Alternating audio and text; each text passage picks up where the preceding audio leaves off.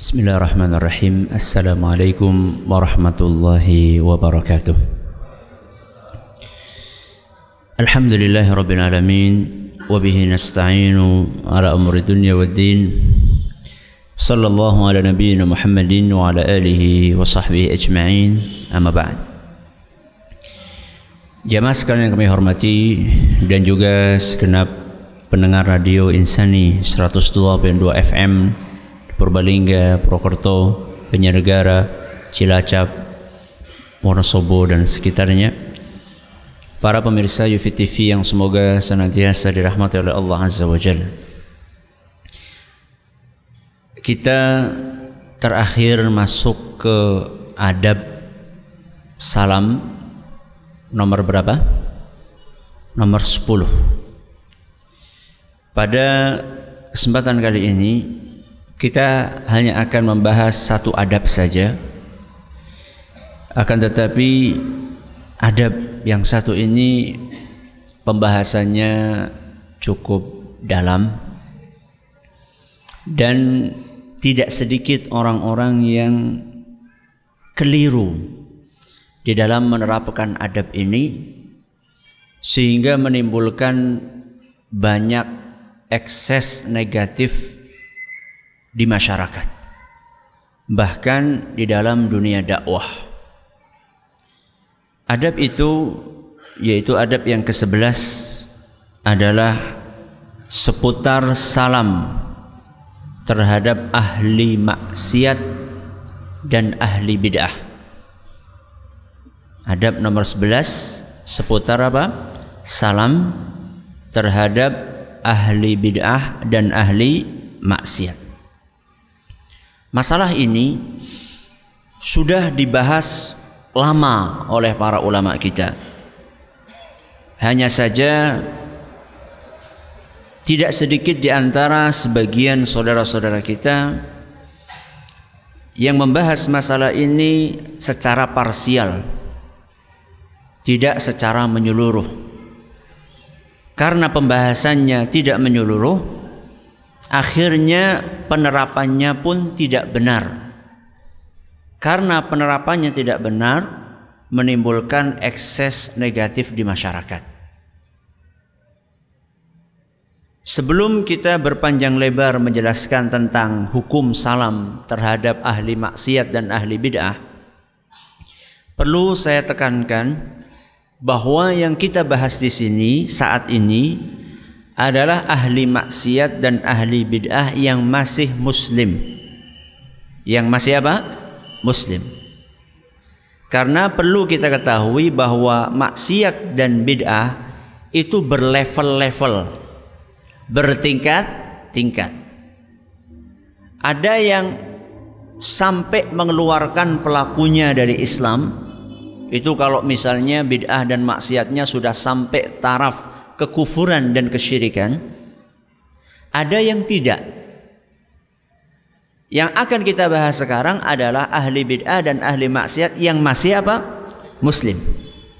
Kalau sudah kafir, ini sudah kita bahas pembahasannya bahwa tidak boleh kita mengucapkan salam kepada orang kafir. Kalau kita disalami maka cukup menjawab waalaikum. Ini sudah selesai pembahasannya. Sekarang kita membahas tentang bagaimana seandainya dia masih muslim. Apa mungkin ahli maksiat muslim? Mungkin atau tidak? Mungkin. Nun sewu, nun sewu ini. Lokalisasi. Lokalisasi. Isinya wanita tuna susila. Ada nggak yang KTP-nya Islam? Jangan semua lah. Banyak. Tapi mereka masih muslim? Masih. Nah sekarang kita menyikapi orang-orang yang seperti itu. Boleh nggak kita salam sama mereka? Orang yang bergelimang dalam maksiat atau bergelimang dalam bid'ah dan dia masih muslim, boleh nggak kita mengucapkan salam sama mereka?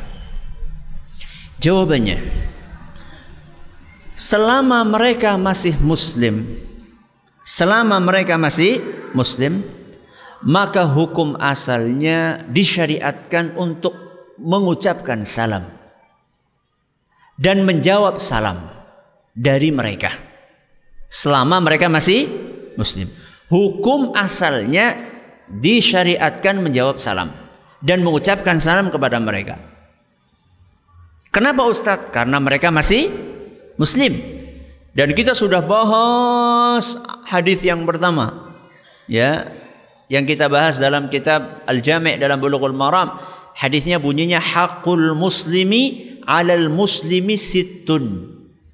Hak muslim atas muslim yang lainnya ada berapa? Ada enam. Yang pertama, idza laqitahu fasallim alaihi. Kalau ketemu sama dia maka ucapkanlah salam. Selama dia masih muslim, dia berhak untuk kita salami. Dan kalau dia mengucapkan salam, wajib hukumnya kita untuk menjawab. Sudah, ini pondasinya. Ini pondasinya. Selama dia masih muslim, maka kita disyariatkan untuk menjawab salam dan mengucapkan salam kepada dia.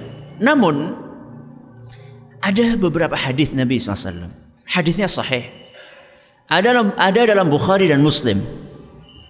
Yang kalau tidak kita cermati dengan baik, tidak kita baca dengan keterangan para ulama, maka kita akan bingung.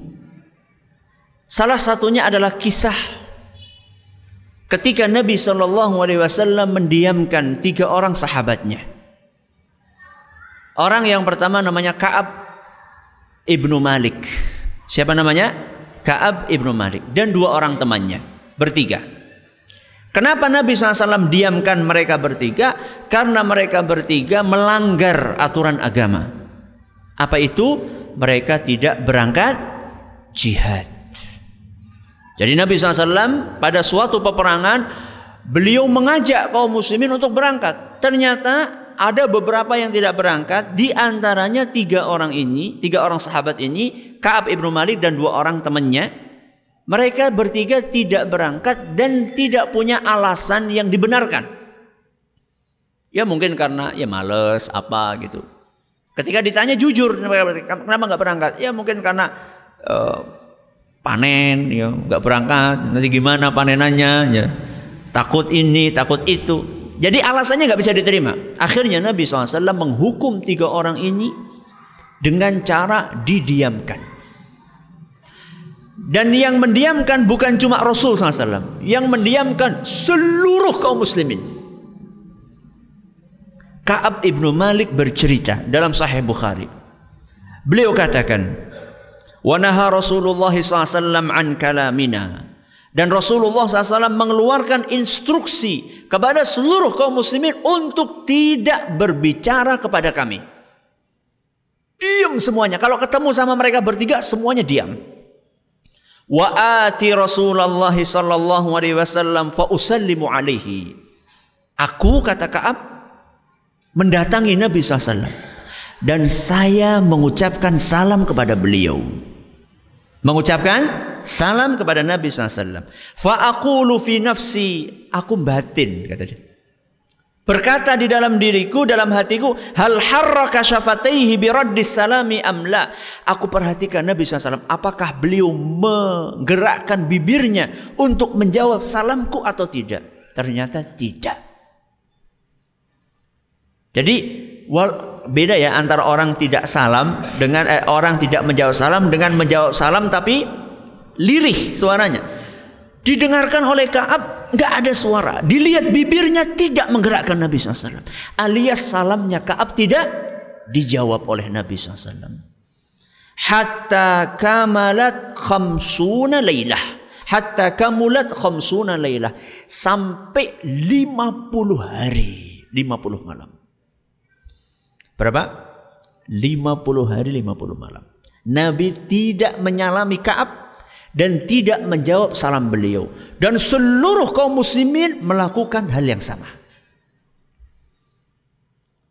Timbul pertanyaan. Kaab ini muslim atau bukan? Muslim. Kesalahan Kaab tidak mengeluarkan dia dari agama Islam. Berarti dia masih muslim. Pertanyaan berikutnya, menjawab salam hukumnya apa? Wajib. Nabi menjawab atau tidak? Tidak menjawab. Kemudian diam-diaman, berdiam-diaman antara sama muslim, batas maksimal boleh berapa? Tiga hari. Berapa yang dilakukan oleh Nabi SAW? 50 hari. Orang yang membaca hadis ini, kemudian dia tidak membaca keterangan para ulama akan bingung. Si kepriwe. Katanya menjawab salam wajib. Nabi SAW tidak menjawab. Katanya tidak boleh lebih dari tiga hari. Nabi bukan lebih dari tiga hari. Sampai berapa? 50 hari. Katanya tadi di awal Muslim harus uh, berhak untuk disalami. Lah Kaab kan masih Muslim.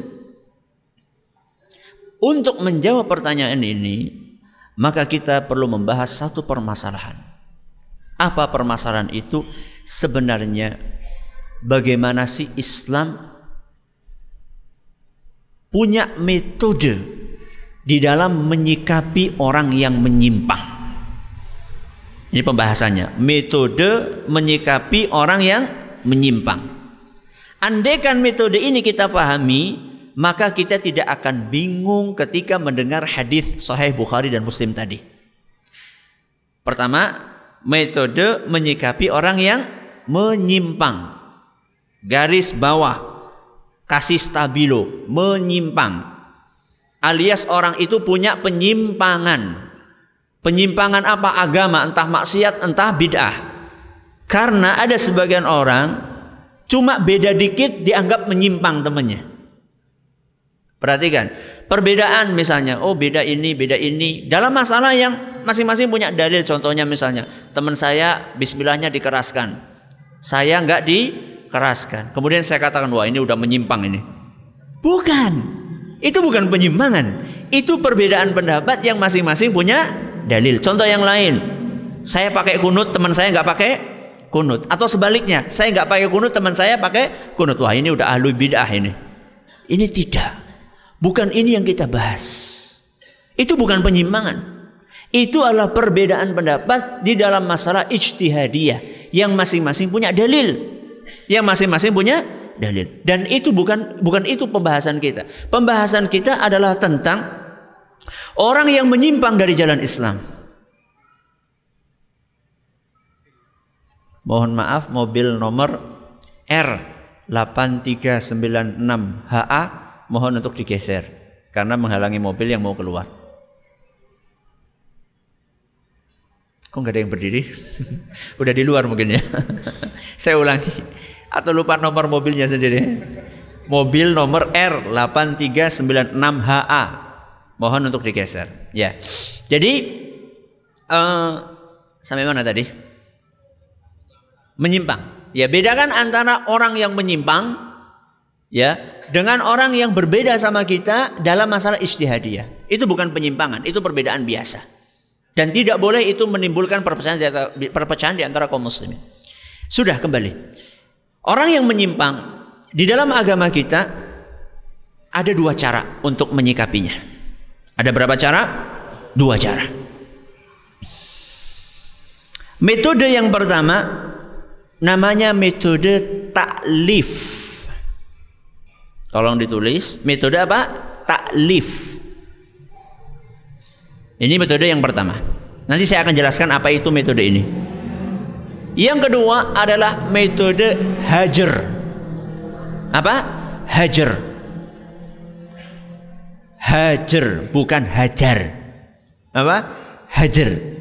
H A J R. Hajar. Ya. Ini dua metode Islam menyikapi orang yang menyimpang. Yang pertama adalah metode taklif. Apa itu metode taklif? Metode taklif adalah pendekatan simpatik kepada orang yang menyimpang. Itu ringkasnya seperti itulah. Pendekatan apa? Simpatik kepada orang yang menyimpang. Pendekatan simpatik itu seperti apa Ustaz? Ya disenyumi, disalami, diundang, diundang, diundang apa? Makan-makan, ya. Itu metode taklif. Senyum, ya. Kasih hadiah sama dia. Orang menyimpang malah dikasih hadiah. Nanti kita kasih contoh praktek Nabi SAW. Ya.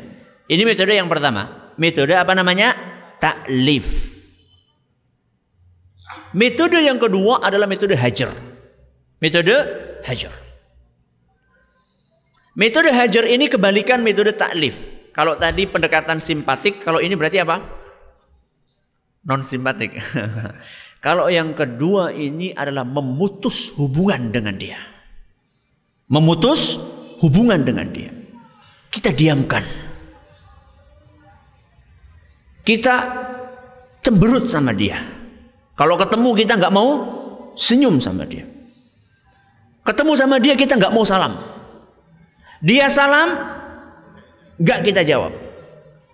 Dia ngundang, nggak kita penuhi undangannya. Dia sakit, nggak kita jenguk. Wah, ngeri banget ini. Ini metode yang keberapa? Yang kedua. Ini namanya metode hajar. Supaya apa Ustadz kita diamkan? Supaya dia jerah. Supaya dia jerah. Dua metode ini sama-sama dibenarkan dalam Islam.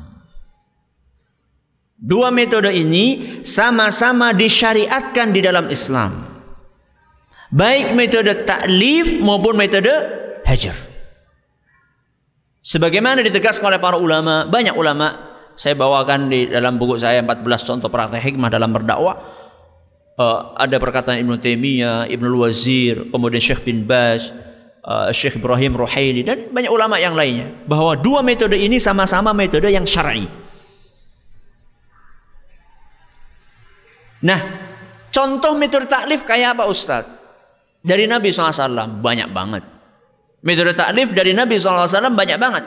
Di antaranya adalah ketika beliau Sallallahu Alaihi Wasallam ya memberikan harta yang sangat banyak kepada dedengkot orang kafir. Ya.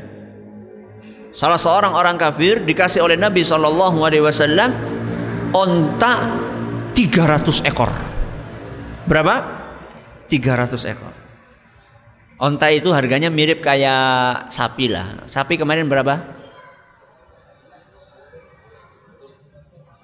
20 ya unda-undi lah ya antara 15 sampai 20-an lah katakanlah 20 ben ngitungnya gampang 20 juta. Berarti 300 berapa? 600 juta. 6 miliar. Dikasih hadiah sama Nabi SAW. Orang kafir menyimpang apa enggak? Orang kafir menyimpang apa enggak? Bukan menyimpang lagi. Menyimpang itu kayak gini, balik kanan orang kafir itu. balik kiri sudah. Menyimpang banget sudah. Malah dikasih sama Nabi SAW nominal sebesar 6M. Supaya apa? Supaya dia mau masuk Islam. Ternyata masuk Islam. Ternyata masuk Islam. Ini contoh. Contoh penerapan metode taklif. Saya kasih contoh satu-satu saja karena waktunya terbatas. Sebenarnya masih banyak contoh yang lainnya. Ah, kalau contoh metode hajar yang mana? Tadi kisahnya siapa? Kaab ibnu Malik. Jadi Nabi Shallallahu Alaihi Wasallam ketika mendiamkan Kaab ibnu Malik sedang memberikan contoh kepada kita bagaimana bagaimana menerapkan metode yang kedua di dalam menyikapi orang yang menyimpang. Metode apa? Hajar. Kenapa Nabi SAW menerapkan itu? Karena Nabi Wasallam ingin memberikan efek jerak kepada Kaab dan dua orang temannya serta kaum muslimin secara umum. Yeah. Makanya ketika Kaab ibnu Malik diperlakukan seperti itu dan juga dua orang temannya betul-betul ngefek kepada kepribadian beliau sampai Allah Subhanahu wa taala menurunkan pengumuman tentang diterima taubatnya tiga orang tersebut. Ka'ab bercerita, wa adzana an-nabiy sallallahu alaihi wasallam bi taubatillahi alaina hina shallal fajr. Setelah 50 hari 50 malam turun wahyu dari Allah kepada Nabi Shallallahu Alaihi Wasallam saat itu turunnya adalah setelah sholat fajar atau ketika sholat subuh. Ya. Turun wahyu dari Allah Subhanahu wa taala memberitahukan kepada Nabi SAW bahwanya bahwasanya Ka'ab ibnu Malik dan dua orang temannya taubatnya sudah diterima oleh Allah Subhanahu wa taala. Gimana rasanya? Belum. Kita ini beribadah belum tentu diterima. Ini ada rekomendasi dari langit langsung turun kepada Nabi SAW kasih tahu wahai Muhammad bahwa Ka'ab bin Malik penyesalan dia diterima sama Allah Subhanahu wa taala dan dia tobatnya sudah diterima. Jadi ketika Nabi Shallallahu Alaihi Wasallam melakukan metode hajar tadi, apa tujuannya? Memberikan efek jerah. Ustadz masa jerah Ustadz? Tuh kalau nggak kalau gampangnya gini aja contoh misalnya, panjenengan punya anak, punya anak. Anak itu nakal. Kemudian panjenengan hajar dia. Bukan hajar. hajar. Panjenengan hajar dia. Hajar itu bagaimana Ustaz? Yo kalau sama anak mungkin nggak dikasih sangu. Nah, itu juga bentuk apa? Hajar. Kapok nggak? Kapok nggak? Ya tergantung anaknya jenengan kayak apa. Saya nggak tahu anaknya jenengan. Ada yang semakin menjadi-jadi. Ada yang kapok. Sudah ampun mbak saya ngaku salah. Tapi besok disangoni lagi ya. efek jerah. Ya, ini namanya memberikan efek jerah. Jadi dua metode di dalam agama kita, yang satu metode apa tadi? Taklif, yang kedua metode hajar. Cuman jamaah sekalian kami hormati. Aturan ajaran apa pun di dalam agama kita itu mesti ada normanya ada caranya, ada etikanya. Contoh wudhu. Diajari nggak sama Nabi SAW caranya? Diajari. Ya kalau mau wudhu baca ini. Masuk kamar mandi ada etikanya. Masuk masjid ada etikanya. Apa etikanya masuk masjid? Dahulukan kaki kanan. Maaf tadi masuk masjid kaki apa dulu? Hah? Kelalen Bok? Alhamdulillah kalau masih ada yang ingat. Nah, tapi banyak yang lupa saya yakin. Kenapa lupa? Saking sering memecit ya. Alhamdulillah. itu setiap ajaran Islam itu mesti ada apanya? Ada etikanya. Termasuk metode taklif dan metode hajar. Itu ada etikanya. Masalah yang terjadi terutama belakangan ini di antara sebagian saudara-saudara kita. Mereka itu ketika menerapkan dua metode ini atau salah satunya menerapkannya tanpa norma. Alias minim aturan. Sehingga menerapkannya membabi buta.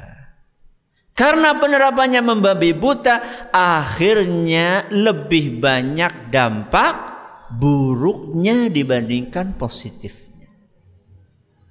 Jadi yang bermasalah bukan hajernya bukan, tapi hajar ini diterapkan tanpa norma. Normanya siapa Ustadz? Hajar itu ibadah. Menghajar ahli maksiat dan ahli bid'ah itu ibadah. Ibadah Apa pun bentuknya di dalam Islam supaya diterima syaratnya ada dua. Apa yang pertama? Ikhlas. Yang kedua, sesuai tuntunan Rasul SAW. Apa pun sholat, puasa, zakat, haji itu kalau mau diterima sama Allah satu ikhlas, yang kedua sesuai dengan tuntunan Rasul SAW. Sama juga hajar. Ketika orang akan menerapkan hajar, dia perlu memperhatikan dua etika ini. Yang pertama adalah ikhlas, yang kedua adalah sesuai dengan tuntunan Rasul. Ikhlas itu bagaimana Ustadz? Kita menghajar orang itu semata-mata karena mengharapkan ridhonya siapa? Allah. Bukan karena ada udang di balik batu. Apa ada Ustadz? Mungkin saja ada. Contohnya Ustadz, ada udang di balik di balik apa? Batu. Contohnya. Alasannya katanya menghajar si fulan, alasannya si fulan ini ahlul bid'ah. Tapi ternyata sebenarnya niatnya bukan itu. Niatnya ingin menjatuhkan orang tersebut. Karena merasa tersaingi dalam dakwah. Akhirnya cemburu. Bagaimana caranya supaya umat menjauh kalau terlalu vulgar ya dengan bahasa oh jangan ini ini terlalu pinter misalnya bahaya terlalu pintar. Itu kan umat gak akan dengar. Akhirnya dengan cara oh si fulan ini ahlul bid'ah, makanya harus dijauhi. Padahal sebenarnya niatnya bukan itu. Ini bukan untuk nuduh, tapi untuk introspeksi. Kalau kita mau menerapkan hajar, niatnya harus bersih. Jangan sampai niatnya adalah kepentingan pribadi, ingin menjatuhkan saingan karena cemburu, ya, karena merasa tersaingi dalam dakwah. Jangan. Kalau seperti itu nggak akan diterima sama Allah Subhanahu wa taala karena niatnya bukan mencari ridho Allah. Contoh yang lain Ustaz nggak ikhlas contohnya. Contoh lain nih, hajar yang nggak ikhlas. Kenapa yang hajar si fulan? Ya iyalah kalau anak nggak hajar si fulan nanti anak yang dihajar nanti. Kalau anak nggak hajar fulan, nanti aku yang dihajar sama teman-temanku. Ini berarti nggak ikhlas. Takutnya bukan sama Allah, tapi takutnya sama manusia. Loh kalau aku nggak hajar fulan, daganganku nggak ada yang beli nanti. Piye nanti bangkrut saya. Jualannya kayak gini yang beli adalah ikhwan-ikhwan. Gimana saya kalau misalnya nggak terapkan ini? Ini berarti nggak ikhlas. Berarti ente itu cari selamat dengan cara mengorbankan teman orang lain, menangis eh apa namanya? menari di atas penderitaan orang lain itu namanya. Yeah. Ini enggak ikhlas. Ini enggak ikhlas. Berarti hajar itu pertama harus apa? Ikhlas. Yang kedua sesuai dengan tuntunan Rasul SAW. Sesuai dengan tuntunan Rasul itu seperti apa Ustaz? Maksudnya adalah mengikuti norma-norma yang sudah digariskan oleh para ulama yang sudah digariskan oleh para ulama berdasarkan praktek-praktek hajar Nabi SAW. Dan itu normanya ada beberapa. Sekarang bukan waktu kita membahas secara panjang lebar, akan tapi saya akan kasih contoh-contoh saja. Ya, saya sebutkan dalam buku saya 14 contoh praktek hikmah dalam berdakwah ada lima normanya. Kita nggak akan bawakan semuanya, saya akan bawakan contoh-contohnya saja. Di antaranya adalah melihat efek dari hajar tersebut. Melihat apa? Efeknya. Hajar ente itu ngefek apa enggak? Hajar ente ngefek apa tidak? Ngefek itu apa sih? Berefek atau berpengaruh atau tidak? Contoh misalnya, kalau ente hajar si fulan ini, fulan ini tambah baik apa tambah parah? Kalau ente diamkan dia, si fulan ini tambah menjadi-jadi atau tambah mendekat kepada ajaran yang benar. Kalau misalnya oh si fulan ini orangnya memang keras kepala, kalau dihajar malah tambah menjadi-jadi. Apa wani apa orang nyong. Dari ini nyong kancana kur kotok apa? Dan ini pernah terjadi ya, subhanallah ini kisah nyata. Di uh, diceritakan oleh guru kami di Madinah. Jadi ada di Eropa, di Eropa. Muslim di sana kan apa?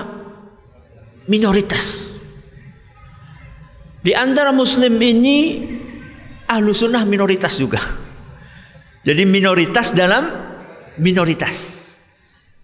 Minoritas dalam minoritas ini salah satu di antara mereka mu'allaf. Masuk Islam, baru masuk Islam, kenal sunnah. Kemudian dia melakukan sebuah kesalahan. Melakukan sebuah kesalahan. Teman-temannya ini satu komunitas ahlu sunnah ini kemudian sepakat untuk menghajar temannya yang satu ini. Kenapa? Karena menurut mereka ini memang harus dihajar, ini salah. Kita diamkan dia, enggak kita salami. Apakah ngefek? Ngefek. Efeknya apa? Temannya dia ini murtad. Apa? Murtad. Ini efek positif apa efek negatif? Negatif. Bukan hanya negatif, negatif banget. Bukan hanya dia meninggalkan halus sunnah, masih muslim, itu masih mending, masih muslim. Dia ini keluar dari agama Islam. Dia pikir anak itu dipikir didiamkan sama ente dipikir anak gak punya teman apa? Anak masih punya banyak teman-teman. Dan teman-teman dia yang dulu non muslim ya, masih non muslim sampai sekarang mereka langsung ahlan wa sahlan. Ya mereka nggak ngomong ahlan wa sahlan ya. Welcome ya. Ya, mereka langsung sambut, eh, masya Allah teman lama kita. Eh, nggak pakai masya Allah, ding. Orang kafir kok pakai masya Allah. Ya, ya Allah, teman-teman kita ini ya, teman lama kita disambut. Jadi ketika kita mengajar, kita lihat efeknya apa. Kalau misalnya efeknya semakin membuat orang itu parah, ya digantilah pakai metode yang lainnya. Metode apa? Taklif. Ya. Karena satu orang dengan orang yang lain beda-beda karakternya. Jadi jangan samakan karakter semua manusia. Karakter masing-masing berbeda-beda. Ini contoh norma. Contoh yang lain norma. Menyesuaikan waktu. Menyesuaikan waktu. Waktu maksudnya adalah durasi lamanya hajar. Lamanya apa? Hajar. Jadi lamanya hajar itu kita perlu ini berapa hari? Tiga hari, apa lima hari, apa sepuluh hari, apa lima puluh hari? Tergantung kira-kira berapa hari bisa memberikan efek jerah sama orang itu. Contohnya Nabi SAW ketika menghajar siapa? Kaab. Berapa hari? 50 hari. Karena Nabi SAW berdasarkan wahyu dari Allah setelah 50 hari ini bakalan tobat dan tobatnya diterima sama Allah Subhanahu wa taala. Turun wahyu dari Allah. Nah, sekarang kalau kita kan nggak mungkin turun apa? Wahyu. Sekarang kita pakai prediksi. Pakai prediksi, perkiraan. Kalau misalnya orang ini kita diamkan sehari sudah dia mulai mendekat sama kita, maka ya sudah diselesaikan. Kenapa? Kata Imam Ibnu Qayyim, hajar itu kayak obat. Kayak obat. Obat itu supaya ngefek harus sesuai dengan apa? Dosis. Kalau dosisnya kurang, efeknya kurang. Kalau dosisnya berlebihan, mati. ya, matinya kayak tadi murtad tadi. Nauzubillah min min dzalik. Sudah, Ustaz. Kita lanjutkan kesimpulannya nanti setelah adzan insyaallah.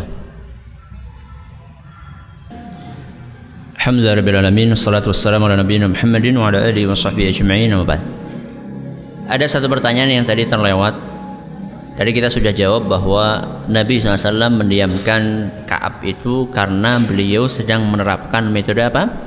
Hajar Tadi ada satu pertanyaan yang di awal saya paparkan Bukankah mendiamkan sesama muslim itu Maksimal tiga hari Kenapa Nabi Wasallam lebih dari tiga hari? Para ulama kita menjelaskan bahwa hadis yang melarang untuk mendiamkan saudara lebih dari tiga hari itu manakala dalam urusan pribadi. Manakala dalam urusan pribadi. Contoh misalnya, saya ngutang sama teman saya, saya butuh banget. Teman saya, saya tahu teman saya ini dia punya duit, cuma dia nggak ngasih kita. Akhirnya kita jengkel. Ini masalah apa? Pribadi. Karena jenengan jengkel, maka jenengan dikasih izin sama agama kita untuk jengkel berapa hari? Tiga hari. Kalau sudah tiga hari nggak boleh. Ustadz, anu kalau saya nggak manfaatkan tiga hari itu untuk jengkel gimana? Bagus. Jadi bukan berarti harus jengkel tiga hari enggak. Jadi agama kita itu subhanallah ya memperhatikan namanya kondisi kejiwaan, kondisi psikologis. Jadi jenengan itu ketika digitukan sama orang, ketemu sama dia rasanya kepada Medegel kan? Nah, kemedegelan jenengan ini, kejengkelan panjenengan ini di dalam agama kita itu ditolerir, cuman nggak boleh lebih dari tiga hari. Jadi intinya larangan mendiamkan saudara tiga hari itu dalam masalah apa? Pribadi. Kalau bukan dalam masalah pribadi, yaitu dalam masalah agama. Masalah apa? agama. Ini menyimpang dari ajaran agama, melanggar perintah agama. Ya. Kemudian si fulan ini melakukan bid'ah, melakukan maksiat. Maka dalam kondisi seperti itu tidak dibatasi hanya tiga hari saja. Pokoknya kapan kira-kira berefek maka boleh diteruskan. Seperti Nabi SAW sampai berapa hari? 50 hari. Kesimpulan. Nah ini kita akan bahas kesimpulan. Tadi judulnya apa tadi? Seputar salam terhadap ahli maksiat. Jadi kesimpulannya apa nih? Salam kepada ahli maksiat, ahli bid'ah boleh nggak? Boleh apa tidak? Boleh. Tergantung. Tergantung apa? Tergantung maslahat. Tergantung maslahat dan madarat. Itu kesimpulannya. Jadi kalau maslahatnya kita salam ya salam. Kalau maslahatnya kita tidak salam ya tidak salam. Itu kesimpulannya. Jadi salam sama ahlul bid'ah lihat maslahatnya. Kalau dengan salam kepada ahlul bid'ah dia akan kembali kepada ajaran Islam yang benar, salam saja sama dia. Tapi kalau misalnya kita salam sama dia malah dia merasa oh, anak berarti benar nih, buktinya disalamin. Nah, kalau seperti itu maka jangan salam. Ya, kalau seperti itu maka jangan salam. Cuman dalam hal ini perlu ada sinergi dari yang salam sama yang tidak. Ya. Perlu ada sinergi dari salam yang salam sama yang tidak. Jangan sampai masing-masing saling menjelek-jelekan. Ya, misalnya nih, ada si A. Si A ini punya teman namanya B sama C. Si A ini menyimpang. Si B ah kayaknya dia ini perlu ditaklif ini. Si C bilang oh enggak ini kayaknya perlu dihajar ini. Antara si B dan C jangan ribut sendiri. Kan kejadiannya kayak gitu. Sudah ini menyimpang, B beda pendapat dalam masalah ini, satu pakai taklif, satu pakai. Jadi ini saling ribut. Ya, saling ribut, saling menjatuhkan pula. Wah, si fulan ini dia itu sama alu beda kok salam, lembek dia itu. Enggak punya apa? Prinsip. Prinsipnya uh, di sini senang, di sana senang. Uh, alias uh, tidak punya uh, bagai air di atas daun talas, enggak punya prinsip ini. Ini nggak boleh seperti itu. Atau sebaliknya, ya teman yang tarif ini jangan memandang miring teman-temannya yang pakai metode hajar kalau memang hajarnya sesuai dengan syariat, sesuai dengan normanya. Ini ekstrim ini, golongan ekstrim ini. Jangan. Kalau memang sesuai dengan atu aturan. Intinya bahwa apa pun metode tadi yang penting dijalankan sesuai dengan apa? Aturan agama. Ini pembahasan tentang adab yang ke-11 semoga bermanfaat buat kita semuanya. Wallahu taala ala wa alam. Terima kasih atas perhatiannya. Mohon atas segala kurangannya kita tutup dengan membaca subhanakallahumma wa bihamdika asyhadu an la ilaha illa anta astaghfiruka wa atubu ilaik. Assalamualaikum warahmatullahi wabarakatuh.